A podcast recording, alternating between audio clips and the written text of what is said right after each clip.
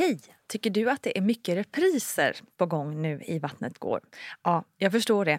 Det beror helt enkelt på att jag, Nina Campioni, just nu har en pop-up second hand i Modgallerian i Stockholm. Så min tid räcker helt enkelt inte tid att göra så många avsnitt som jag hade önskat. Men tills jag är tillbaka på full tid, kom gärna och hälsa på mig i Modgallerian. Vi ses! Varmt välkommen kära lyssnare till Vattnet går, denna podd om graviditet och förlossningar. Jag heter som vanligt Nina Campioni och idag ska vi prata om något som jag tror att nästan, ja, i stort sett alltså alla gravida kvinnor någon gång eh, nojat lite över. I alla fall gjorde jag det och det är förlossningsskador. Att brista, att spricka, ja, att få en ruptur helt enkelt. Allt det där känns ju oerhört läskigt. Eh, och det hände Frida Svensson. Hon var nämligen med om det här som många ser som en absolut mardröm, nämligen att spricka från hål till hål, alltså en sfinkterruptur. Till på köpet fick Frida också en eh, förlossningsdepression, något som också väldigt många är med om. Och eftersom det här avsnittet kan kännas lite läskigt på förhand så vill jag verkligen betona redan nu att Frida har en otroligt positiv syn på allt hon varit med om. Så stäng inte av ifall det börjar kännas lite jobbigt utan häng med hela vägen för det blir trots allt en hel del skratt också i det här programmet. Då Frida bor i Malmö så spelades det här avsnittet in med hjälp av modern teknik eh, och ljudet kan liksom variera lite mellan mig och Frida men jag hoppas att ni alla är okej okay med det. Med oss i programmet har vi också som vanligt världens bästa barnmorska, nämligen Gudrun Abascal. Men nu lyssnar vi på Frida.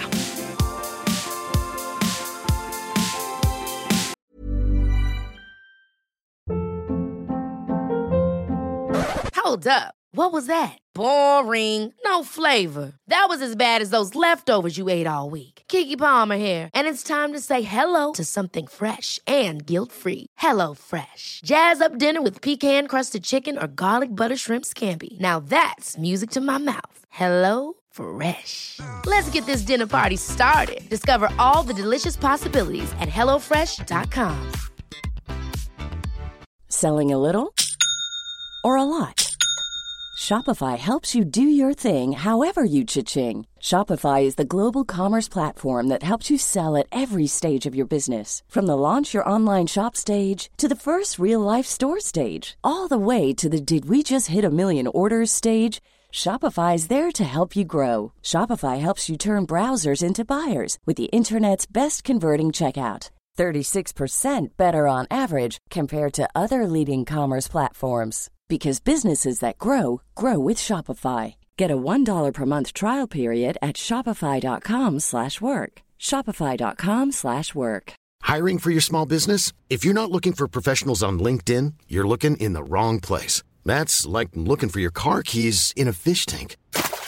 LinkedIn helps you hire professionals you can't find anywhere else, even those who aren't actively searching for a new job but might be open to the perfect role. In a given month, over 70% of LinkedIn users don't even visit other leading job sites. So start looking in the right place. With LinkedIn, you can hire professionals like a professional. Post your free job on linkedin.com slash people today. Quality sleep is essential. That's why the Sleep Number smart bed is designed for your ever-evolving sleep needs. Need a bed that's firmer or softer on either side? Helps you sleep at a comfortable temperature? Sleep Number smart beds let you individualize your comfort so you sleep better together. JD Power ranks Sleep Number number 1 in customer satisfaction with mattresses purchased in-store. And now, save 50% on the Sleep Number limited edition smart bed for a limited time. For JD Power 2023 award information, visit jdpower.com/awards. Only at a Sleep Number store or sleepnumber.com.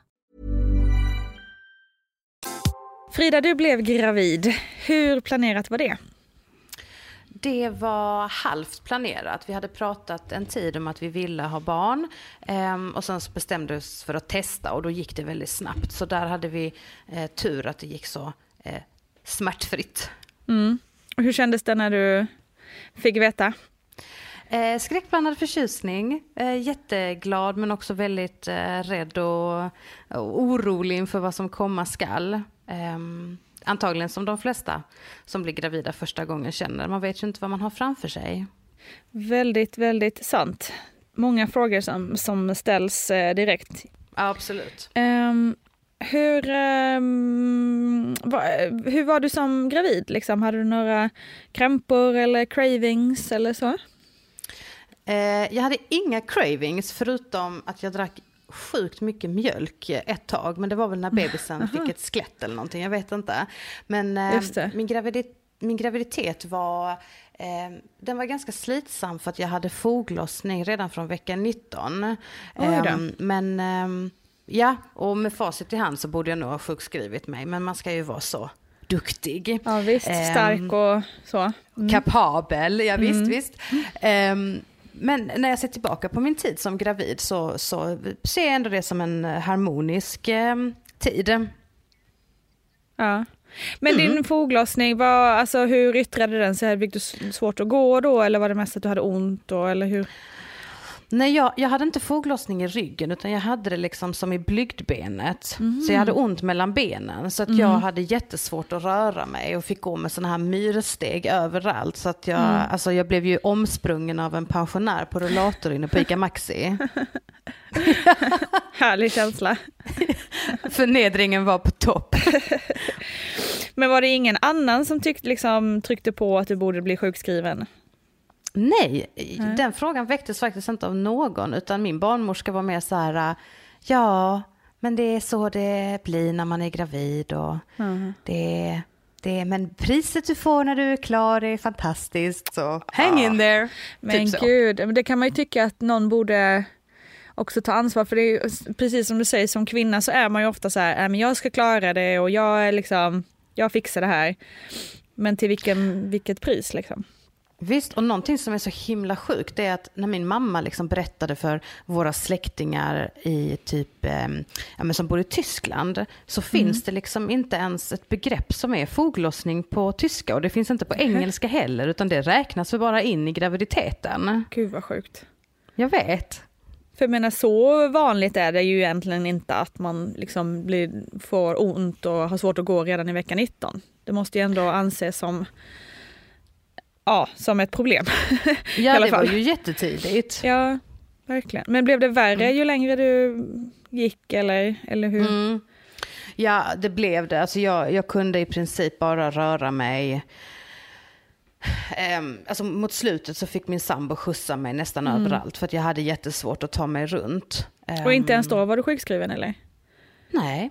Mm. Jag tänkte bara att jag vaggar på här i lugn och ro så ja. löser det sig nog. Ja. Ja, det är, ja, vi står ut med mycket, det får man nog ändå säga. Ja, visst. Men om det skulle bli, eh, låt säga att du blir gravid igen och du får samma, skulle du, tror du att du då skulle liksom säga ifrån. Sjukskriva mig? Ja. ja, definitivt. definitivt. Mm. Eh, framförallt för då har man ju också ett barn och det, det, det minns jag ju att de dagar jag hade mer fysisk ansträngning, alltså att jag behövde gå upp för trappor eller jag behövde promenera en liten bit, då ja. blev det ju också betydligt värre. Så för att ja. får jag det likadant gång nummer två så måste jag ju klara av att ta hand om mitt barn liksom. Så då, då kommer jag sjukskriva mig. Ja. När man eh, till exempel lider av foglossning, låt säga då. Eh, vems ansvar är det? Är det allt, ligger ansvaret alltid hos mamman att eh, bryta ifrån till exempel? Jag tycker alltid att det är ett delat ansvar. Därför som kvinna så kan jag känna hur jag mår och hur eh, besvären är ansvaret från kvinnans sida det är att förmedla det till, till barnmorskan på ett väldigt tydligt sätt. Idag så ska ju alla kvinnor vara så himla duktiga och man försöker, det är nog inte så farligt och det är nog bara jag som har sagt det. Istället för att våga känna efter, men det här och det känns inte okej okay för min del. Och att få stöd och hjälp av barnmorskan som sedan i sin tur då kan hjälpa till med en sjukskrivning via en läkare och så vidare. För foglossning är jättetufft och det enda sättet är att vila och inte belasta. Så man ska inte vara rädd för att säga ifrån? Nej, alltså, det är ju nummer ett. Så. Får man inte hjälp av den man frågar så får man ju byta ut den och be någon annan ha hjälp. Eh, vi eh, just i det här programmet så blir det lite att vi kör graviditeten lite snabbare eftersom vi kommer fokusera lite mer på vad som händer efter förlossningen. Eh, men där, det är väldigt många kvinnor, eh, upplever jag det som, och även jag själv, eh, som är ganska fokuserade på det här med spricka och bristningar och är ganska rädda för det. Var du också Visst. det som gravid? Ja, det var ju min absolut största rädsla. För jag hade ju sett om det var Uppdrag granskning eller Kalla fakta på kvinnor som fick förlossningsskador och så läckte de bajs och deras män lämnade dem. Och liksom, livet var över i princip. Så jag skrev ju det i mitt förlossningsbrev. Att jag, jag har inga, jag kan ta emot allt, jag kan föda i vilken ställning som helst. eh, Men jag vill inte spricka, jag är jätterädd för en förlossningsskada. Och vad sa, alltså fick du någon stöttning kring det från barnmorska eller? Eh, nej, eller jo, fast jag tror inte att det behövdes, utan under hela graviditeten så försökte jag liksom hela de här tio månaderna att, att, att eh, vara mentalt stark och fokusera på att kroppen vet vad den ska göra och barnet vet vad den ska göra. Och jag skulle också föda, jag bor i Malmö, men jag ville föda på Ystad BB för att det är lite mer så här um, naturligt och inte lika hetsigt och man får stanna kvar. Och det, är, det är inte lika mycket in och ut som i Malmö.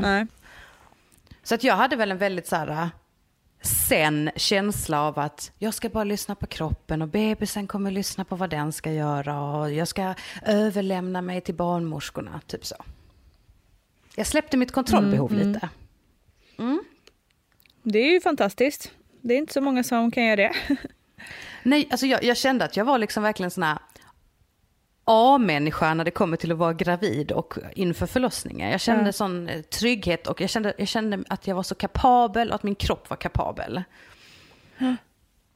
Det är imponerande. Det önskar jag att jag kunde komma in i det flowet. Jag har snarare förmåga att haka upp mig på, eller jag, nej jag har snarare förmåga att bara så här skjuta det lite åt sidan. Att jag liksom tänker att, ah, det, det händer nog sen, någon annan gång. alltså, det- förstår du vad jag menar? Att jag låtsas att, Ja, men det, kan inte, väl, ja, men inte finns. det kan väl också vara bra. Jag tänker att det alltså, för jag var också lite så här, herregud, det finns, det finns få saker som vi i västvärlden idag inte kan styra. Vi kan liksom Mm. kontrollera allt, men just graviditet och förlossningen, det kan vi inte styra. Och det är därför som vi mår så dåligt inför det tror jag, för att vi har för vana att kunna kontrollera Mm. alla faktorer i våra liv. Mm, mm, precis. Det tror jag också, verkligen. Enda gången man inte kan ha kontroll på något alls. Liksom. Ja, men Det visst, är ju lite och, då, och läskigt. istället för att oroa mig så försökte jag bara typ, ja, överlämna mig i den känslan att, att, eh, att det här, jag kan inte kontrollera detta. Nej. Nej, men det är ju grymt. Det är en jättebra inställning tror jag. Ehm, kan du föra oss framåt? Liksom? Hur började din förlossning? Mm. Min förlossning, eh, eller det började med att jag hade under en ganska så lång tid eh, förhöjd eh, äggvita i urinet. Men jag hade inga andra symptom på havandeskapsförgiftning så de gjorde inget. Nej. Men sen så började den här öka så jag åkte in till Ystad BB varannan dag för kontroller. Sen Okej. en dag vaknade jag och kände att jag mår konstigt. Så då åkte vi in och då skrevs jag också in. Och då sa de eh, till mig att eh, nu, nu får vi sätta igång dig. Eh, och det hade jag gärna velat undvika. Därför att jag hade ju hela den här liksom, fokuset att kroppen vet vad den ska göra. Och den gör det när den är redo. När man sätts Ja. igång är kroppen inte redo. Så Ja, jag fick eh, prostaglandin i, i sådana här shottar för att sätta igång det hela. Och de gjorde någon hinsvepningar och sådär. Ehm, Och va- vad var förklaringen till att de ville sätta igång dig? Kan du? jo, därför att jag fick havandeskapsförgiftning. Jag började få liksom Ja, det för var- ögonen mm. och förhöjda, förhöjda värden och sådär. Hög, hög, mycket högre Okej. ehm, vad heter det, blodtryck och sånt. Så att då fick de Ja. sätta igång. Blev du rädd då? Ehm, Kring, men, eller lille Hur kändes det? Ja, jag, jag kände väl mer att fan, nu är, liksom, nu är kroppen inte redo. och jag visste ju att, att uh, igångsättning kan liksom leda till eh, ja men sugklockor eller akut kejsarsnitt. Så att det liksom inte riktigt blir bra. Ja. Ehm, men jag undvek Google och eh, familjeliv och allting sånt. Och bara, nej men nu litar jag på doktorn och så får den bestämma liksom. Sen så, eh, så höll jag på med de här shottarna fram till klockan fyra på morgonen och då hade ingenting hänt och då fick jag morfin så att jag skulle somna. Okej. Och då sa eh, barnmorskan att eh, nu ska du inte vara besviken om det inte har hänt någonting när du vaknar för så är det ibland. Sen väckte de mig klockan tio dagen efter och då var jag uppe sju centimeter. Oj! Då hade jag Wow. sovit mig igenom det. Så det var ju lite sjukt. Herregud. Ja. Ja.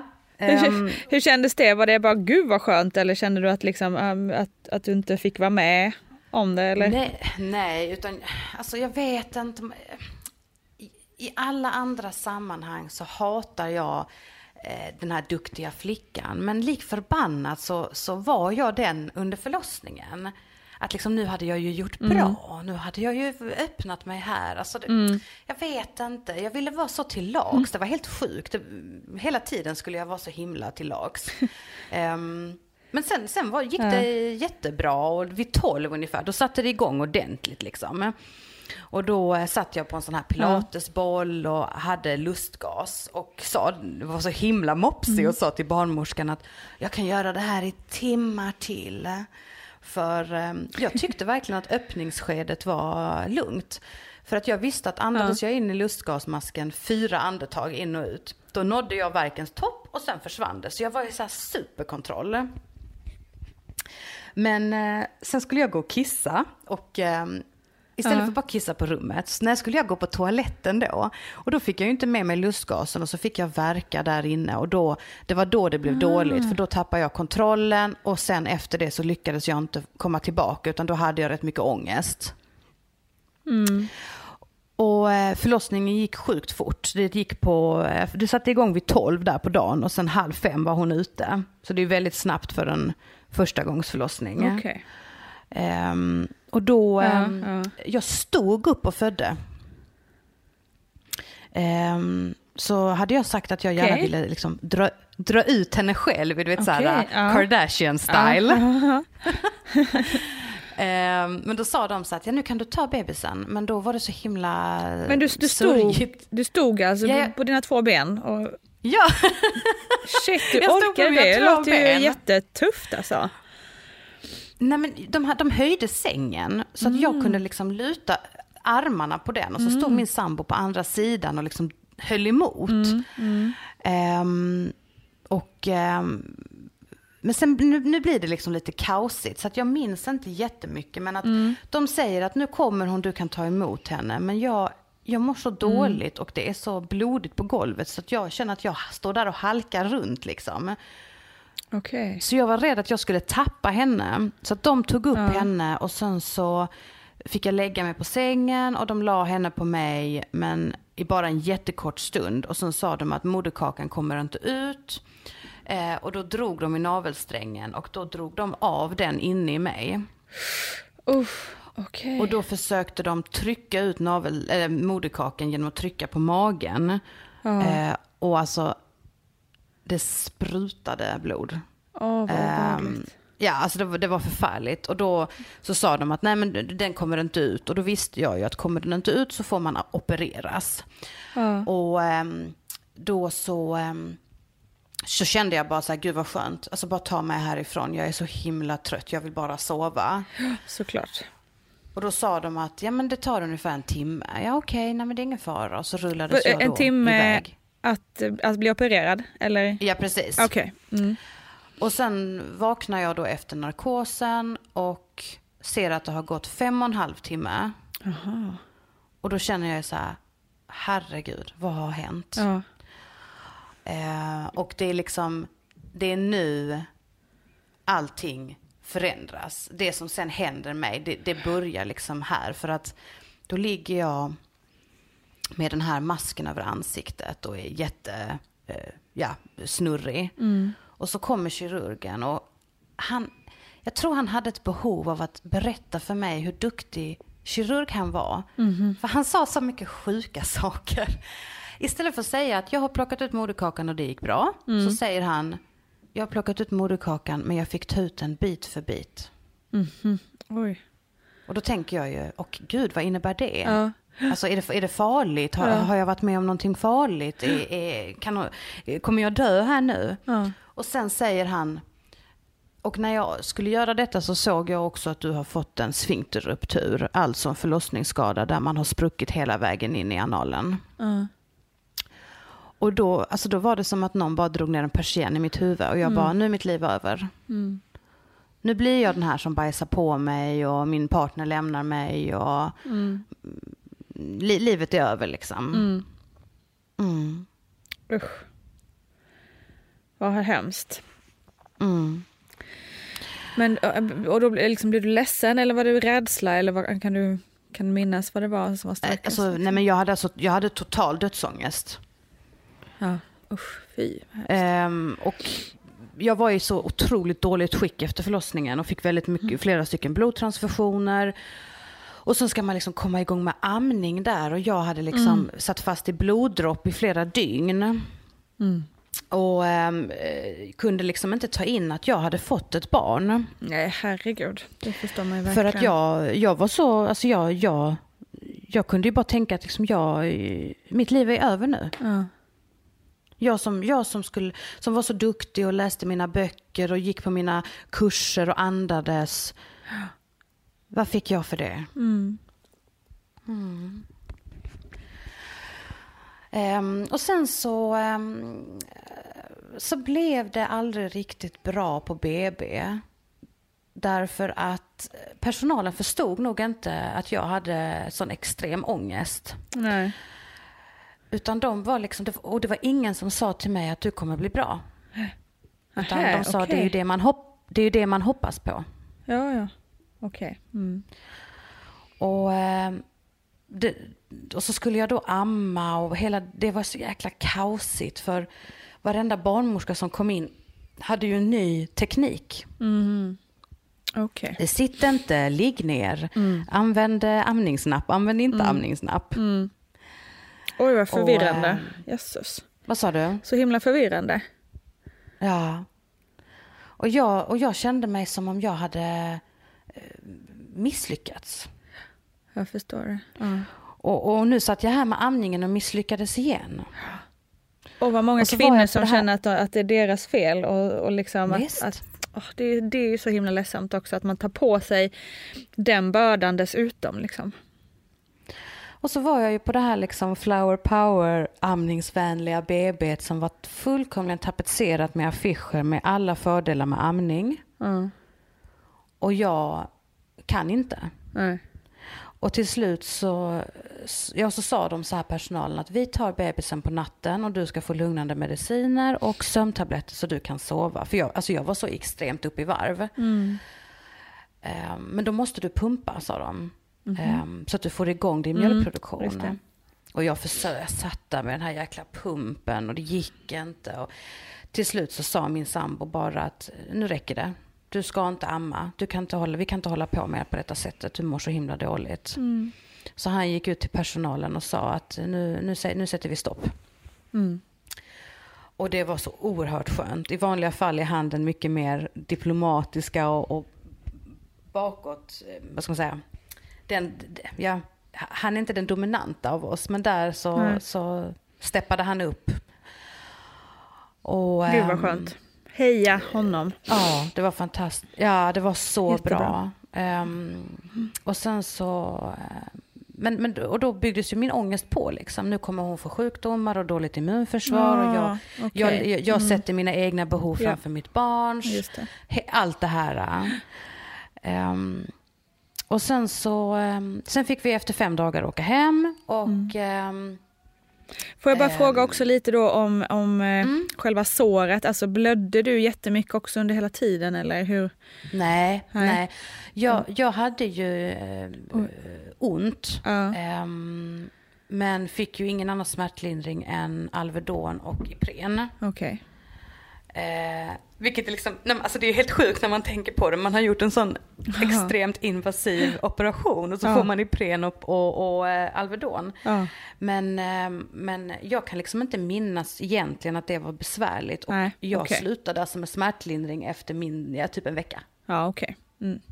Hur, många, hur många stygn och sådär? Om man ska gå in på detaljer. För att, för, för att citera min, min barnmorska så sa hon, ja det är inte så mycket att man räknar stygn, det blir ju mer som att man trocklar. Vad mysigt det Så- låter. Ja, så det har ju varit hur mycket som helst liksom. Okej, ja. Ja. Shit. Men, ehm, och, jag, och jag hade alltså en mirakulös återhämtning. Efter, efter mindre än en vecka slutade jag på smärtlindring och efter ytterligare några veckor var jag helt återställd. Oh, men jag vågade inte lita på det. Nej, men jag det litar inte jag. på det. Det förstår jag.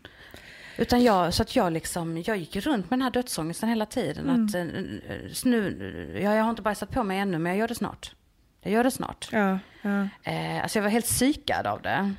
Ja. Ehm, därför att jag hade vänner som hade varit med om liknande, som också hade blivit återställda, men det hade liksom ändå tagit ett halvår, ett år för dem. Mm, Och här var jag bra efter bara några veckor. Men hur var det att Mm. gå på toaletten då? Eh, första gången jag skulle gå på toaletten så höll jag på att svimma av rädsla. Men, eh, men man får ju sån här, man får ju laxerande medel. Eh, tillsammans med de här Alvedon och Ipren. Ah, okej. Så att det ska vara lösare. Så det, det, det var Okej. inte några jätteproblem egentligen. Man trodde ju att man skulle gå sönder. För det kan jag verkligen tänka mig att man bara helt, alltså jag vågar inte eh, göra varken nummer Mm. ett eller två liksom. Men eh, innan vi fick lämna BB så skulle ju en läkare undersöka mig genom att stoppa in ett finger i rumpan på mig. Typ några Okej. dagar efter att jag blivit opererad. Och då trodde jag ju Ja. att alltså, nu, nu, nu går ju allting upp. Ja, Men han, eh, men han, men det gjorde det ju såklart inte. Och det var helt okej och kändes inte något särskilt. Och han var jätte, eh, jättefin och jättebra. Mm. Det är synd att jag fick en dotter, annars hade jag döpt mitt barn efter Jan, för han var typ den bästa någonsin. ja. Ja. ja, för det är ju också väldigt viktigt i ett sånt känsligt läge. Att man blir bemött på ett otroligt bra, liksom, korrekt och bra sätt. Och jag tycker att jag, in, jag, blev, jag blev inte bemött dåligt, men det var ingen som fattade hur dåligt jag mådde. Alltså jag trodde ju verkligen att jag skulle få en förlossningspsykos för att eh, vid ett tillfälle mådde jag så dåligt så att jag bara kände hur det knäppte till i huvudet på mig. Att jag bara, ja nu tappar jag förståndet. Hur länge gick du med den här skräcken då? Alltså, eh, du sa ju efter några veckor så var du ändå liksom fysiskt ganska återställd men psykiskt var det fortfarande jättestarkt. Hur länge, hur länge höll det i sig?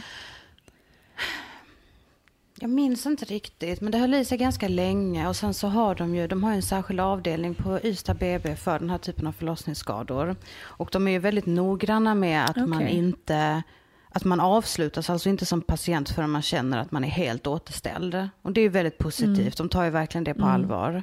Jo, sen så blev jag då kallad på ett återbesök och eh, då eh, undersökte de mig och eh, allting såg fint och bra ut men jag kunde fortfarande inte eh, släppa, eller jag kunde inte acceptera att jag var återställd och jag, och jag var framförallt väldigt fokuserad på vems fel det var. Var det mitt fel? Var det som att detta hade hänt mig? Eller var det barnmorskans fel? Eh, hade hon eh, inte hållit koll på mig?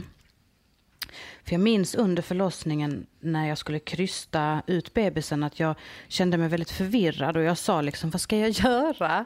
Och hon sa lyssna på din kropp och hon var väldigt så också spirituell, lyssna på din andning. och jag lyssnade på min kropp och krystade något så in i och då tänkte jag i efterhand varför sa hon inte till att jag skulle hålla emot?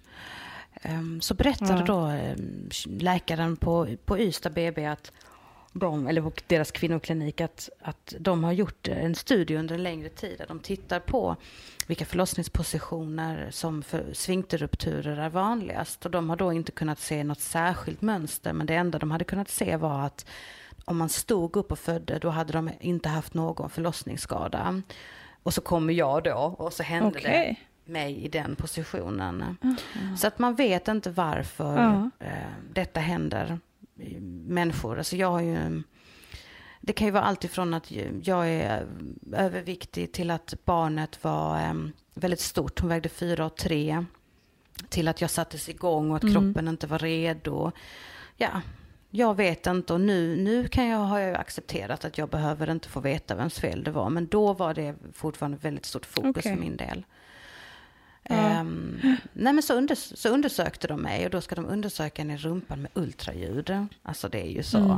Som, som om förnedringen inte är över när man redan har fött barnet. Och då fick jag, Vad då fick mysigt. jag den mm, precis. Men då fick jag den vackraste komplimang mm. jag någonsin har fått. Vilken rund och intakt och vacker eh, ringmuskel. ja, tack så mycket. oh, att, jag ska ja, skriva nu, upp på min Facebook att eh, jag har... Eh, väldigt, väldigt fin och intakt. Ja, tack så mycket. Ja. kan man svinkel, diskutera sen på följande middag med kompisarna, hur, hur är era ryggmuskler? ja, precis. Men för, okay. för det är också så här, sfinkterruptur kommer ju två grader, alltså man har ju två ringmuskler, den yttre och den inre. Och jag sprack bara till och med den yttre. Mm. Spricker man till och med till den inre okay. så är det ju värre, för det är den ringmuskeln som man inte har kontroll över. Um, Ja, okay. jag, jag, kan inte de medicinska termerna. Vilket kan göra då att man bajsar på sig och sådär? Precis, då kan bekymren vara värre. Men ja. Fixar man inte okay. den yttre ringmuskeln så bajsar man ändå på sig. För sfinkterruptur är en sån skada som man måste okay. operera. Och jag pratar med en barnmorska, men ja. hur gör man till exempel i u-länder där förlossningsvården inte är särskilt bra? Då får de kvinnorna ligga ner och så binder man ihop deras ben så att huden växer ihop igen. Men deras ringmuskel oh, blir aldrig nej. ihopsydd så att de läcker ju bajs nej. genom hela livet. Oh, så jag kan ju känna att hade mm. jag fött mitt barn i ett annat land så hade jag inte överlevt min förlossning. Oh. Nej. Mm. Det är ju helt otroligt vilka skillnader mm. det är. Beroende ja, det, på var man, man råkar vara född. Ja. ja, man blir ödmjuk inför att man har eh, mm. ynnesten att få lov att föda barn här. Mm. Hur ser det ut med förlossningsskador idag? Går vi åt rätt håll rent statistiskt, eller hur, hur ser det ut? Ja, jag tycker att helt klart att vi går åt eh, helt rätt håll. Sedan så är det många andra faktorer som har kommit in. Ja, men vi, idag så undersöker vi mycket mer, så vi hittar ju mera förlossningsskador än vad man gjorde tidigare. Jag är säker på att det är därför statistiken är lite svår hur man ska tolka idag, eftersom vi letar mycket mer, så hittar vi mera. Och eh, därvid så kan vi också reparera. Naturligtvis är det här ett jättetrauma för en kvinna att få en stor bristning som, som är värd all allt guld i Småland liksom för att få ordning på. Någonting som vi vet är en faktor är till exempel att barn, barnen som föds idag är större än tidigare, som vi ju vet är en av anledningarna till att man brister något mera. Så att det är också en faktor som man får, får tänka på och som vi ju inte kan göra någonting åt. Så att, eh, vi har också blivit duktigare på att reparera dem. Och det tycker jag kanske är det också en av, en av de viktigaste faktorerna. Att, att vi ska hitta skadan och vi ska kunna reparera den på bra sätt och vi ska ha specialister som gör det och inte att det sitter barnmorskor och läkare som inte har utbildning i att göra.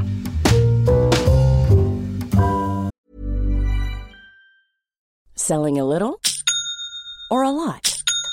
Shopify helps you do your thing however you cha-ching. Shopify is the global commerce platform that helps you sell at every stage of your business. From the launch your online shop stage to the first real life store stage, all the way to the did we just hit a million orders stage. Shopify is there to help you grow. Shopify helps you turn browsers into buyers with the internet's best converting checkout. 36% better on average compared to other leading commerce platforms because businesses that grow grow with Shopify. Get a $1 per month trial period at Shopify.com slash work. Shopify.com slash work. Ever catch yourself eating the same flavorless dinner 3 days in a row, dreaming of something better? Well, HelloFresh is your guilt-free dream come true, baby. It's me, Kiki Palmer. Let's wake up those taste buds with hot, juicy pecan-crusted chicken or garlic butter shrimp scampi. Mm. Hello Fresh. Stop dreaming of all the delicious possibilities and dig in at HelloFresh.com. Let's get this dinner party started. Quality sleep is essential. That's why the Sleep Number Smart Bed is designed for your ever evolving sleep needs. Need a bed that's firmer or softer on either side? Helps you sleep at a comfortable temperature? Sleep Number Smart Beds let you individualize your comfort so you sleep better together. JD Power ranks Sleep Number number 1 in customer satisfaction with mattresses purchased in-store. And now, save 50% on the Sleep Number limited edition Smart Bed for a limited time. For JD Power 2023 award information, visit jdpower.com/awards. Only at a Sleep Number store or sleepnumber.com. Life is full of awesome what ifs, and some not so much, like unexpected medical costs. That's why United Healthcare provides Health Protector Guard fixed indemnity insurance plans to supplement your primary plan and help manage out of pocket costs. Learn more at uh1.com. This is Paige, the co-host of Giggly Squad, and I want to tell you about a company that I've been loving, Olive and June. Olive and June gives you everything that you need for a salon quality manicure in one box. And if you break it down, it really comes out to $2 a manicure, which is absolutely insane. It's also so easy to get salon worthy nails at home with Olive and June. The difference between how your nails used to look when you did them yourself and now with the Manny system is a complete game changer. The best thing about Olive and June too is it's a quick dry. Dries in about one minute, lasts for five days, and full coverage in up to one to two coats. Visit oliveandjune.com slash perfectmanny20 for 20% off your first system. That's oliveandjune.com slash perfectmanny20 for 20% off your first system.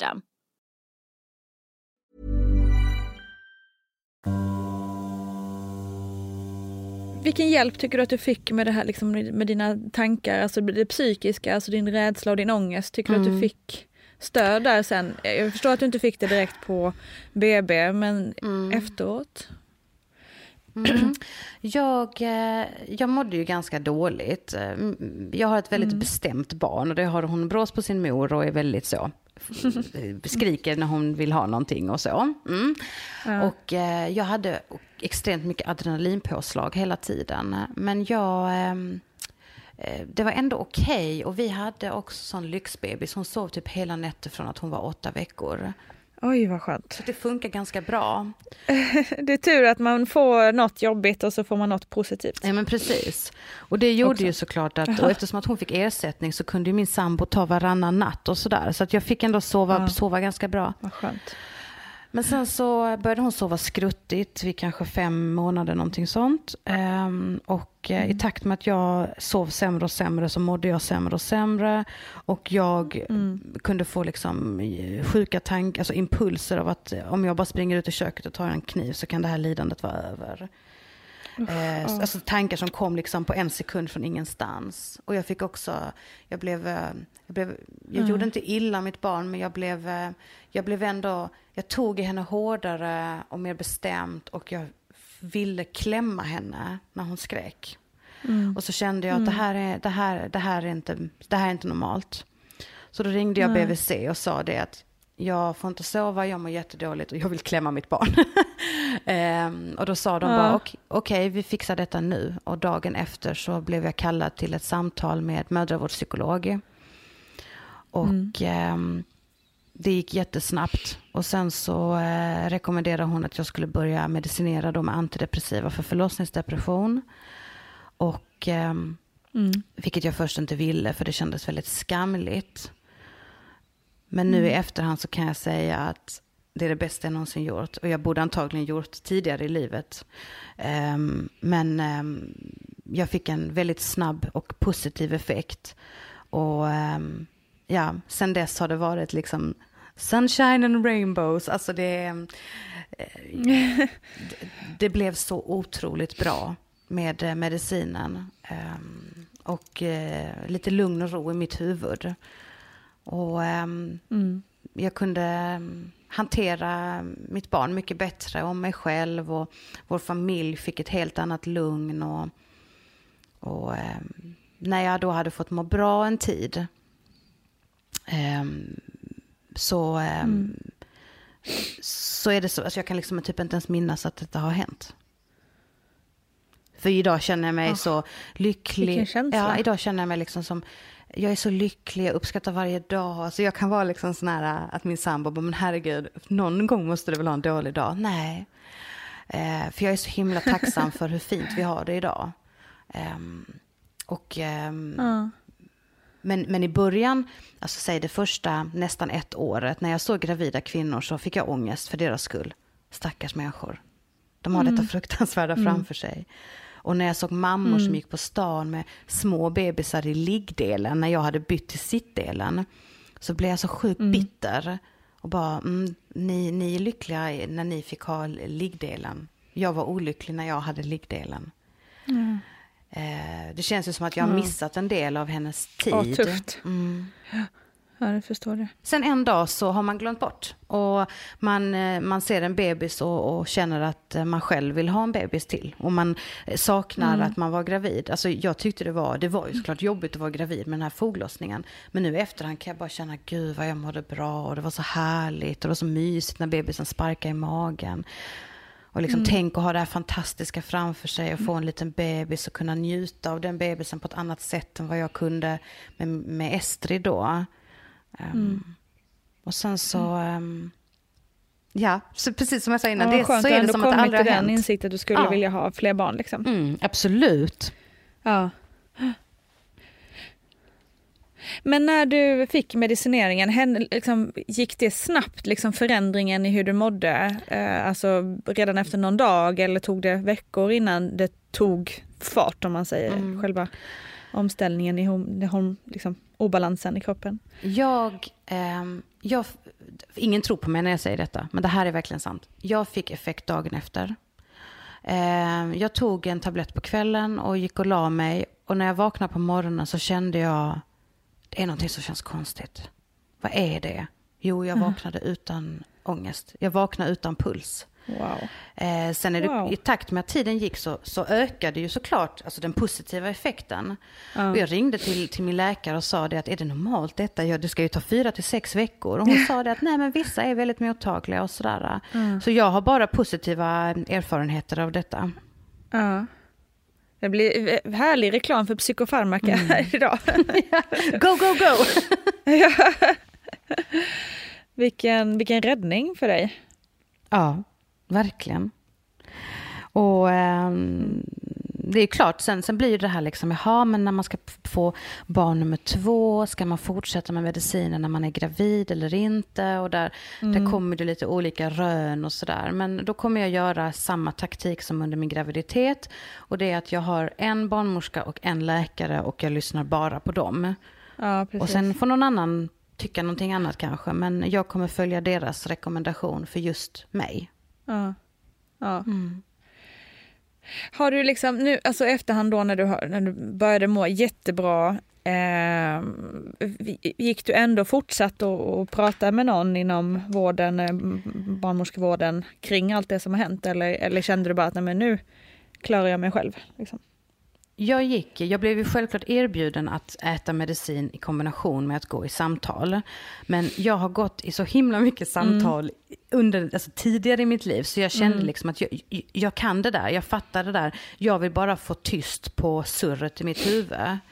Ehm, så att jag tror Ja. att jag hade en, jag hade en, eh, en, en, en, en liksom psykisk styrka i, i grunden som jag kunde använda bara jag fick tyst på surret i huvudet. Men till andra människor, om någon lyssnar på detta, om man inte är van vid att gå i samtal eller har gjort det tidigare, så tycker jag definitivt att blir man rekommenderad samtal och medicin så ska man såklart göra det för att eh, det, ofta behöver man hjälp även med den psykiska bearbetningen. Ja.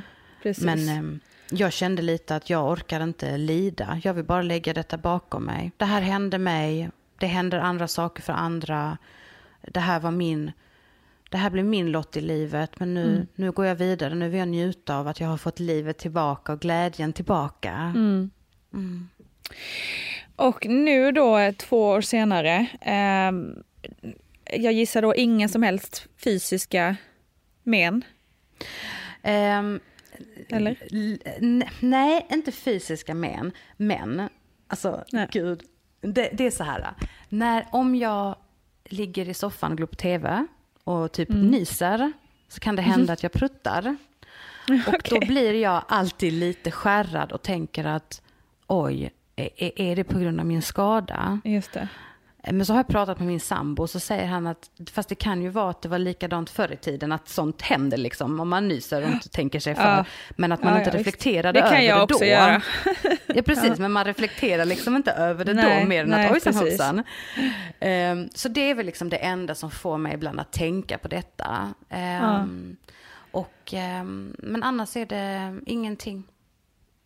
Det är fantastiskt. Ja, jag var såklart lite öm i mellangården, men det är man ju, mm. även om man inte har fått en svinkterruptur utan kanske bara sytt några stygn i mellangården, så är ju den ändå öm ett tag Absolut. tills ärret har liksom blivit hårdare. Ja. Mm. Jo, självklart. Jag sydde själv fem stygn. Jag tråcklades alltså inte utan jag sydde fem stygn. eh, och absolut, det, det är ju liksom ömt ett tag och det är det ju såklart oavsett om man har spruckit eller ej nästan mm. efter en förlossning. Um, och jag kände ju eh, som jag tror, alltså jag, vet, jag kan ju inte säga några procent men det känns ju lite som att 90 procent av alla kvinnor är oroliga för eh, bristningar liksom inför mm. en förlossning. Och det var jag också. Men i efterhand mm. så kändes det bara eh, som en, alltså nu efter jämförelse med dig var det ju otroligt lindrigt. Men liksom i efterhand kändes det ju verkligen bara som att, ja just det, jag, jag sprack lite också. Uh, ah, jag vet inte, jag glömde det och så märkte jag knappt att de sydde och liksom. Mm. Det, det, var verkligen en icke-grej. Och det mm. känner jag lite att jag vill att ska gå fram lite, för det känns som att vi har så otroligt stora rädslor kring det här, trots mm. att det eh, inte är ju, det är ju inte så vanligt att, att det sker eh, så som det blev för dig, utan snarare är det ju vanligt att man, man spricker lite grann, men det är inte hela världen. Liksom. Ja, och jag skulle väl också vilja säga så här att jag, jag pratar ju mycket med läkare, liksom, hur kan jag ha återhämtat mig så här snabbt? Och då sa hon att det kan ja. vara att de som blir sydda av barnmorskan på plats, att de har lite längre återhämtningstid ja. för att man har olika förutsättningar. Jag opererades ju under narkos och med mm. av en kirurg och, mm. men du vet, alltså det var liksom mm. helt andra mm, förutsättningar. just det, lugn och ro um, liksom. Ja, och att mm. det också kan påverka återhämtningen för att det finns tid att göra inte, jag ska inte säga bättre stygn, men det är bara andra förutsättningar. Och jag skulle väl också säga ja. Att, ja. att det är inte, det behöver inte vara farligt att få en sfinkterruptur. Alla jag känner, det är inte jättemånga, men jag vet ändå ett par som också har fått det. Och de är också helt okej okay idag. De har kunnat föda barn igen efteråt. Mm. Det viktigaste är ju att man blir opererad. Um, just för att detta mm. inte läker av sig själv. Mm. Så det är ju extremt viktigt att barnmorskorna eh, inte släpper ifrån någon utan att ha kontrollerat att ringmuskeln är intakt efter förlossningen. Mm. Har några andra råd till, eh, till eh, liksom, som man själv kan tänka på i efterhand eller vad man bör göra om man är med om det här, och man tycker att man kanske inte har fått eh, den hjälp som man har rätt till eller? Um, jag, för, för det första så tycker jag att man måste släppa kontrollen. Det säger ju alla. Men det här går liksom inte att kontrollera. Du kanske vill föda i vattnet. Men så kom, blir det inte de förutsättningarna de bästa för just dig och ditt barn. Utan lita på att din barnmorska eh, liksom gör vad som är, är, är, det bästa för dig och ditt barn. Eh, men men eh, låt din sambo ta fighten om det är någonting som inte känns bekvämt, eller din partner, eller din man eller fru. Att, att, eh, mm. att du ska ändå må bra under förlossningen. Och efteråt, kräv mm. din rätt. Um, är det någonting mm. som inte känns bra, då ska de åtgärda det. Um, det är normalt att vara öm i underlivet efter man har fått barn. Men det är inte normalt att ha smärtor eller läcka väldigt mycket urin eller väldigt mycket avföring eller läcka gas. Det, det, mm. Så ska det inte vara. Mm. Eh, att föda barn idag i Sverige är, ska inte vara en dödsdom. Nej, verkligen inte. Eh, det ska liksom inte vara slutet på ett liv utan det ska vara det ska bara vara ett avbrott mitt i ett liv. Um, och sen mm. Nej, jag gjorde ju den här självuppskattningen som man gör på BVC när man har fått barn. Eh, mm. Och jag var inte riktigt ärlig i den. Eh, medans, och det kan jag väl säga att var ärlig, mår du dåligt, säg det.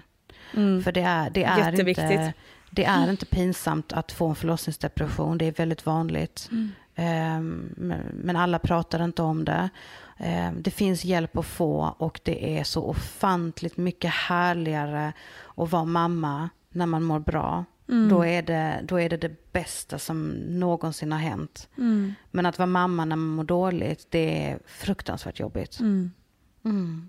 Men det är, man, mår man dåligt så är man inte ensam, utan vi är väldigt många som har varit i samma situation. Verkligen. Ehm, och jag tror att det bara man frågar runt så kommer man stöta på massvis med kvinnor med liknande erfarenheter som Mm. sina egna. Mm.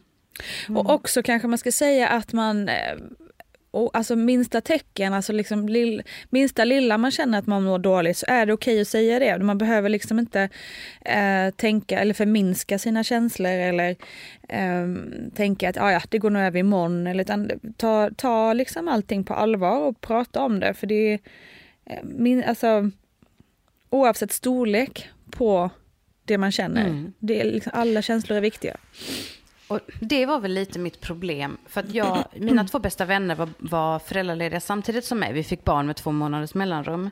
Och de mådde ju också stundtals, eh, inte dåligt, men man var hängiga, man var trött, man, man kände sig inlåst i hemmet, man, allt vad det nu kan vara som alla mammor känner.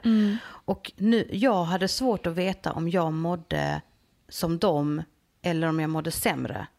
Nu efter, för att nu i efterhand kan jag inse att vi gick nog igenom alla samma känslor påverkade av att man äter dåligt, påverkade av att man sover dåligt. Mm. Men, att mi, men att hos mig så släppte det aldrig riktigt och det blev aldrig bättre utan det blev en gradvis försämring. Just det.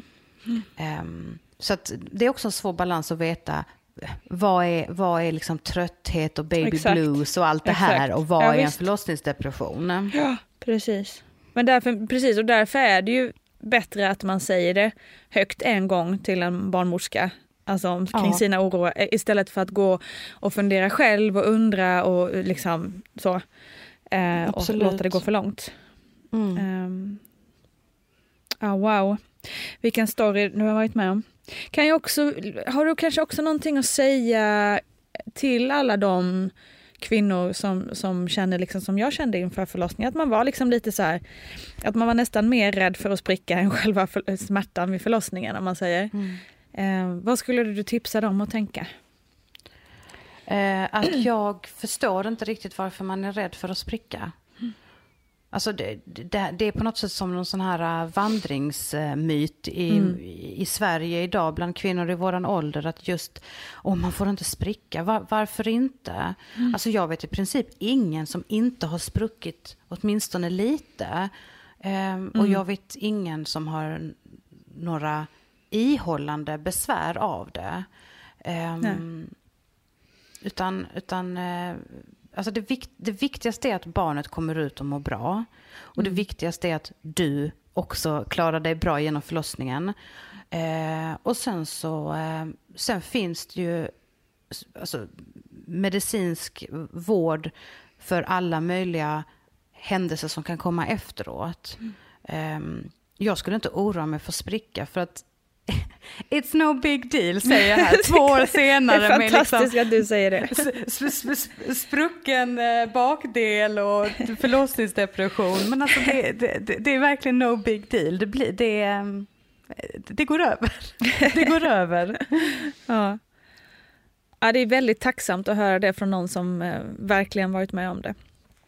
Sen, men sen är det klart, sen blir jag ju så här, ha okej, föda barn nummer två. Ska jag göra det då vaginalt eller med kejsarsnitt? Och det är ju någonting som jag liksom ibland oroar mig för. Men då tänker jag bara att nej, den dagen, den sorgen, det får jag ta med min barnmorska som jag har då. Vad mina förutsättningar är och vad, vad, vad jag psykiskt kommer klara av. Mm.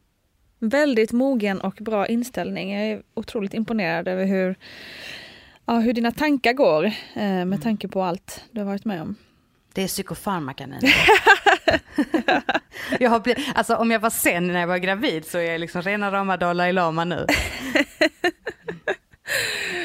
Ja, det är härligt att höra. det. Ja. Och du ska också föda snart så du får ju lycka till. Precis, exakt. Ja. Och jag känner ju, jag vet inte hur det är det här med första gångs föderska eller andra gångs föderskor, men jag har ju inte haft en tanke på det här med att, spricka eller bristningar överhuvudtaget den här gången. Eh, Gud vad skönt. Så det, det, men det blir, jag kan tänka mig att det är liksom mycket rädsla kring det första gången och sen så kanske man är med om det och får några stygn och, och upptäcker att det var ju ingen big deal. I de flesta fall då. Nej men visst. Mm. Och, och, och, och jag tror också så här att det är nog inte själva sprickan som i sig är en big deal. Alltså oavsett Nej. om det är en, ett stygn eller om det är en sfinkterruptur. Utan det är ju självklart mm. hur den behandlas. Och det är ju upp till vården. Ja. Um, och ja. det, det är ju det som är så läskigt för det kan man ju inte styra. Nej. Utan där är det ju upp till sjukhuset man är på att de eh, gör en noggrann undersökning och tar det på allvar. Men jag mm. upplever ju att de gör det. Mm. Ja. Jo precis, det har ju ändå minskat. Ehm, de stora förlossningsskadorna har ju ändå minskat. Så att eh, det känns har de så, det? Ja, jag läste någon eh, ganska färsk undersökning om det. Att man tar det mycket mer på allvar och jobbar mycket mer aktivt med att förebygga. Nu ska man göra finska greppet eller vad Precis, det kallas. finska greppet. Vi ska be ja. Gudrun Abascal utveckla detta också. Mycket spännande. Mm. Jag läste ju hennes bok inför att jag skulle föda. Mm. Mm. Så jag var, jag var sen, det var bra. Det var bra, ja. ja. Vi ska hälsa henne det. ja, jag gör det. Gör det. Men du, vi, fantastiskt att du ville berätta din, eh, din story kring både det här med svinterruptur och förlossningsdepression. Mycket Klart. intressant. Verkligen. Jag hoppas att, att någon eh, känner sig mindre ensam i detta. Om det är någon som går igenom detta nu. Mm. För eh, det blir bra och mm man är inte ensam i detta, utan vi är många som kan dela det. Verkligen. Mm. Stort tack Frida. Tack själv Nina och lycka till nu med nya bebisen. Tack snälla du. Vad kan man göra för att undvika bristningar?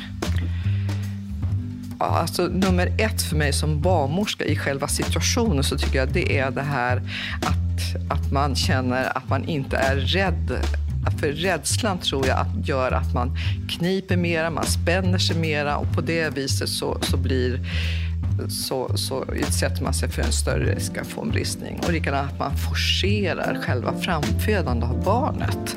Eh, vet vi en stor faktor. Största procentuellt så kan man nog se att det är i samband med sugklockor som man får de här större bristningarna. För att man snabbt måste förlösa barnet. Så att där skulle man ju kunna också hitta på hur kan vi, kan vi härma naturen bättre än vad vi gör idag när vi snabbt måste få ut barnen.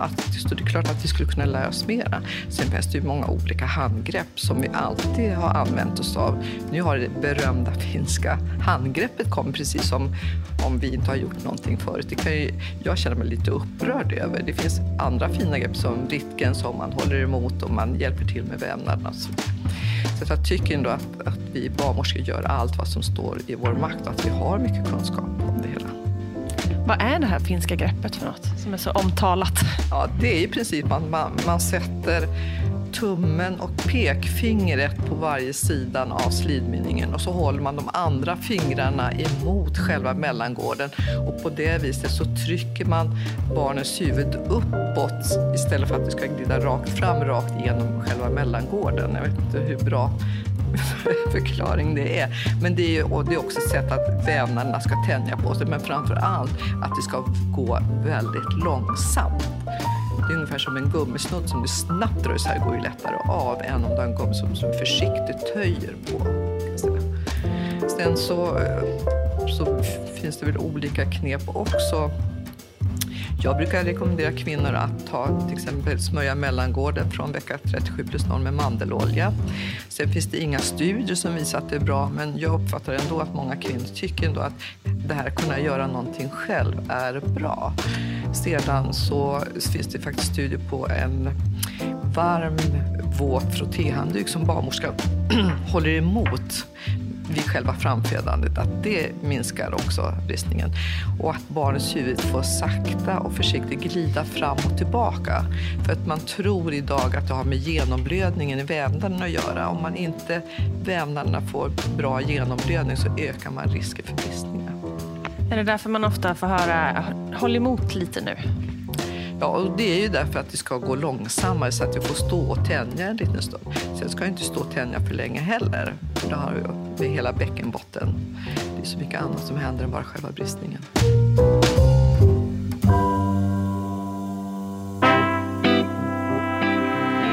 Ja, hörni, vad ska man säga? Psykofarmaka eller ej, det är en imponerande inställning som Frida har. Eh, och jag hoppas verkligen att det här avsnittet kan hjälpa någon av er som bär på rädslor, både kring det här med rupturer och bristningar och såklart förlossningsdepressioner. Du är verkligen inte ensam. Glöm inte det. Stort tack Frida Svensson för att du ville dela med dig av allt du varit med om och stort tack till dig som lyssnar. Jättekram till er alla. Vi hörs snart. Kram! Producerat av Perfect Day Media.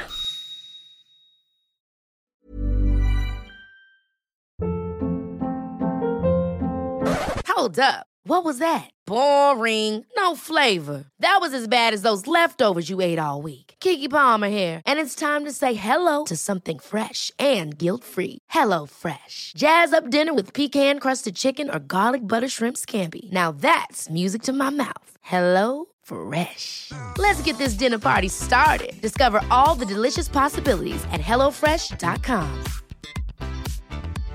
Imagine the softest sheets you've ever felt. Now imagine them getting even softer over time. That's what you'll feel with Bowl and Branch's organic cotton sheets. In a recent customer survey, 96% replied that Bowl and Branch sheets get softer with every wash. Start getting your best night's sleep in these sheets that get softer and softer for years to come. Try their sheets with a 30-night guarantee. Plus, get 15% off your first order at bowlandbranch.com. Code BUTTERY. Exclusions apply. See site for details.